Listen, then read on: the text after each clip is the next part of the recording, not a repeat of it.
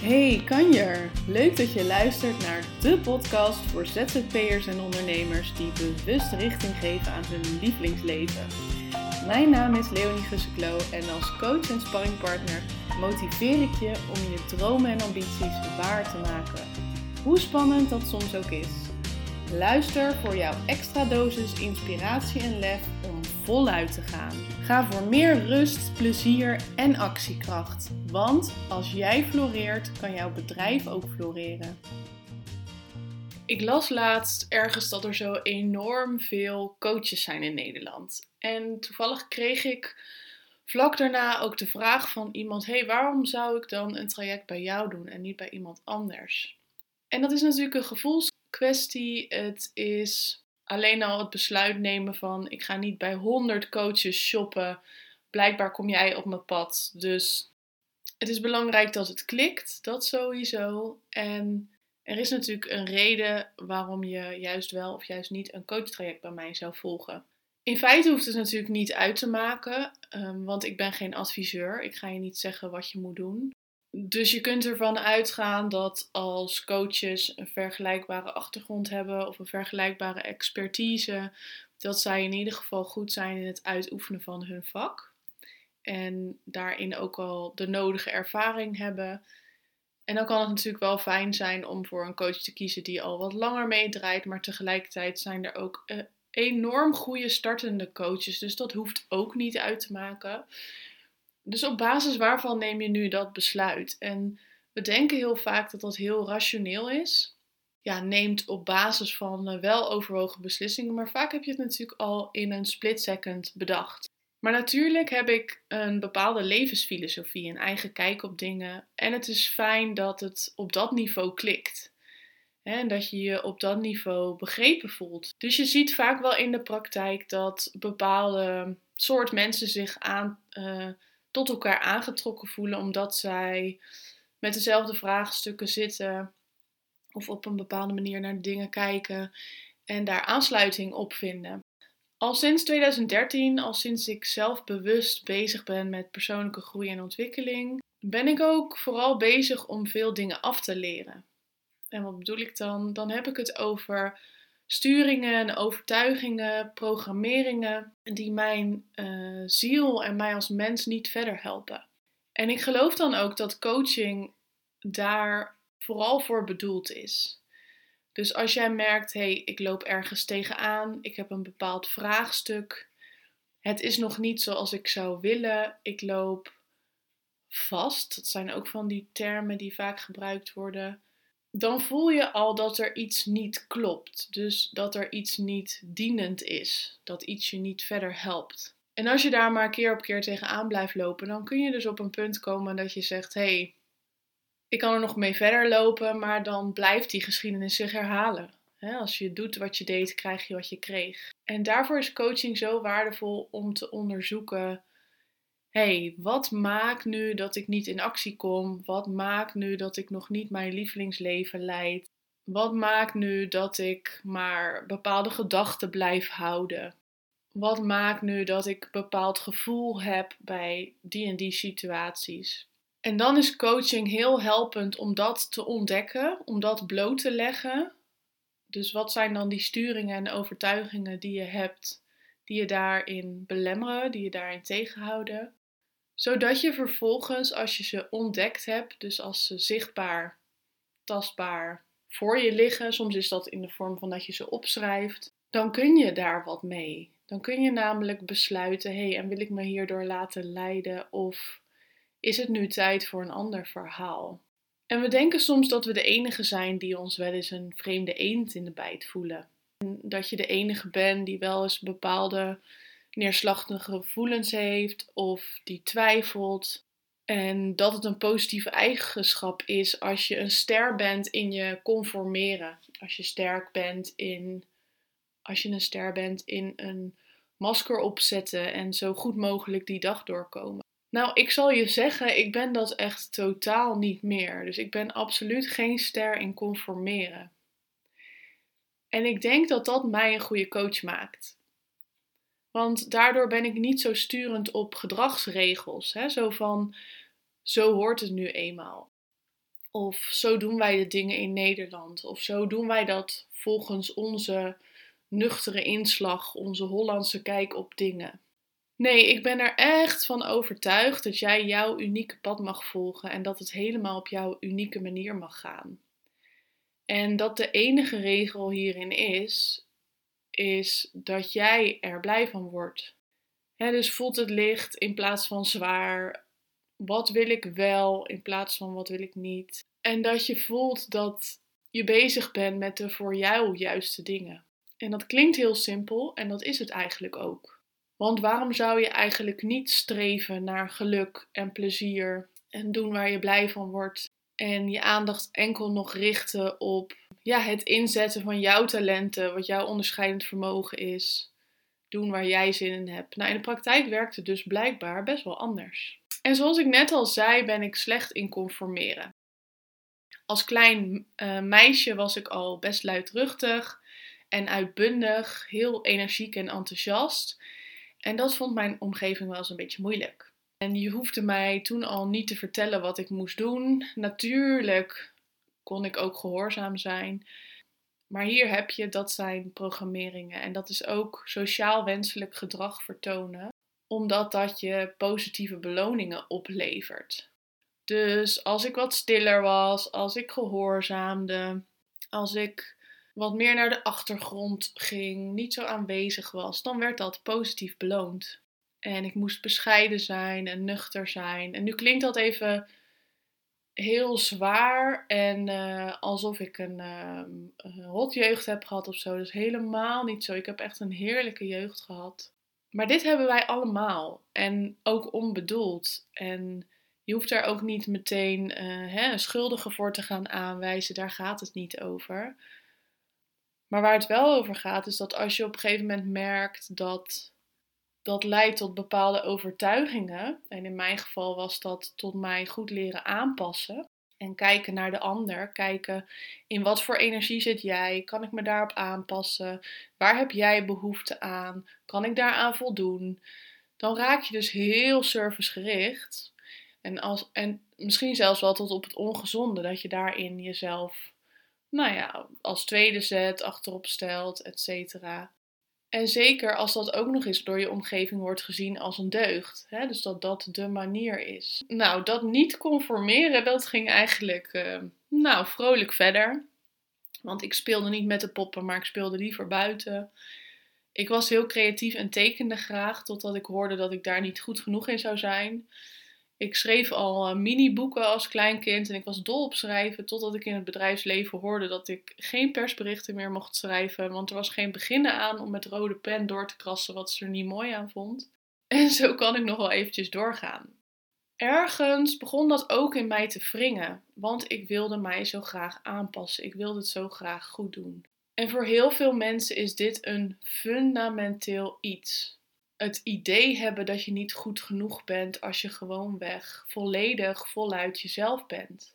Dus dat je naar de buitenwereld moet kijken en naar het effect en naar de reactie daarop. En dat je waar nodig je daarop aanpast, zodat je leuk gevonden wordt. En dat is wel een sterke bij mij, dat leuk gevonden willen worden. Ik weet niet hoe het met jou zit, maar ik heb dat in ieder geval wel. En intussen ging ik ook weer vrolijk verder met me niet conformeren. Dus ik werd wat ouder en in plaats van dat je hoort te gaan trouwen voordat je gaat samenwonen, ging ik eerst samenwonen. Terwijl je in de kerk hoort te trouwen, ging ik op het strand trouwen.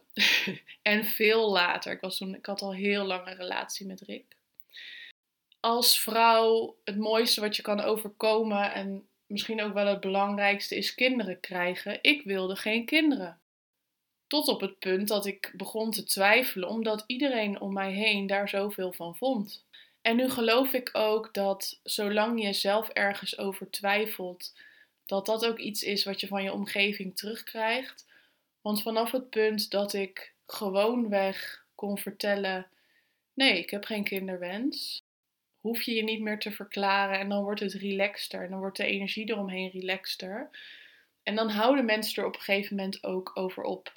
Het ging nog eventjes verder met dat niet conformeren. Want zodra ik in het bedrijfsleven ging werken, had ik zoiets van: wat zitten wij hier met, met elkaar te doen? Acht uur achter een computer. daar heb ik helemaal geen zin in. Vijf dagen in de week werken, vijf van de zeven dagen in de week werken, waarom zou ik dat willen? Waarom zou ik dat doen? Waarom zou ik 40 uur van mijn kostbare tijd aan één werkgever weggeven? Dan moet het wel echt heel erg leuk en belangrijk voor me zijn. En daarbij voelde ik ook steeds sterker opkomen dat ik een missie heb, dat ik de dingen op mijn manier wil doen. Maar tegelijkertijd had ik zo goed geleerd om me aan te passen. Dus om in het stramien, zoals dat voor mij voelde, hoeft helemaal niet zo te voelen voor jou, mee moest doen. En dan zat ik met weerstand in die metro, of ik ging met weerstand, stapte ik de auto in met weerstand in de file. en oh boy, ik stond gisteren weer in een spits. Na, denk misschien wel zes jaar, want ik doe nooit meer aan een spits. En ik dacht echt, wat gebeurt hier? Wat zijn we hier met elkaar aan het doen? Er komt een punt waarop je voelt, hé, hey, ik kan en wil me niet meer aanpassen. En ik kan wel een soort van innerlijk gevecht hebben om aan de ene kant te willen voldoen aan mijn omgeving of aan andere mensen of aan hoe het zou horen of dat stemmetje in mijn hoofd die zegt hoe het eigenlijk hoort en wanneer je wel goed genoeg bent. En aan de andere kant zo diep voelen dat je gewoon je eigen pad wil bewandelen, het op je eigen manier wil doen. En dat dat ook compleet oké is. En niet alleen dat, dat je merkt dat op het moment dat je gehoor geeft aan je eigen verlangens en de dingen die je graag wil doen, dat daar een bepaalde energie bij vrijkomt wat jou een leuker mens maakt. En dat is niet alleen voor jezelf onwijs fijn, maar ook voor je omgeving. Dus zodra jij jezelf volledig kan gaan accepteren om wie jij bent en wat je wil en hoe jij de dingen wil doen, ook in je onderneming, dan is dat voor anderen ook zichtbaar, tastbaar, voelbaar en super fijn. Dus de grap is dat die hele worsteling, die interne struggeling van verwachtingen, voldoen aan een plaatje, dat als je dat los kunt laten of naast je neer kunt leggen, jezelf daarvan kunt bevrijden, dat het feest dan pas echt begint. Voor jezelf en voor anderen. En ik zeg dit nu heel mooi, maar dat is voor mij natuurlijk ook wel een journey van jaren geweest. En ik ben er nog steeds mee bezig.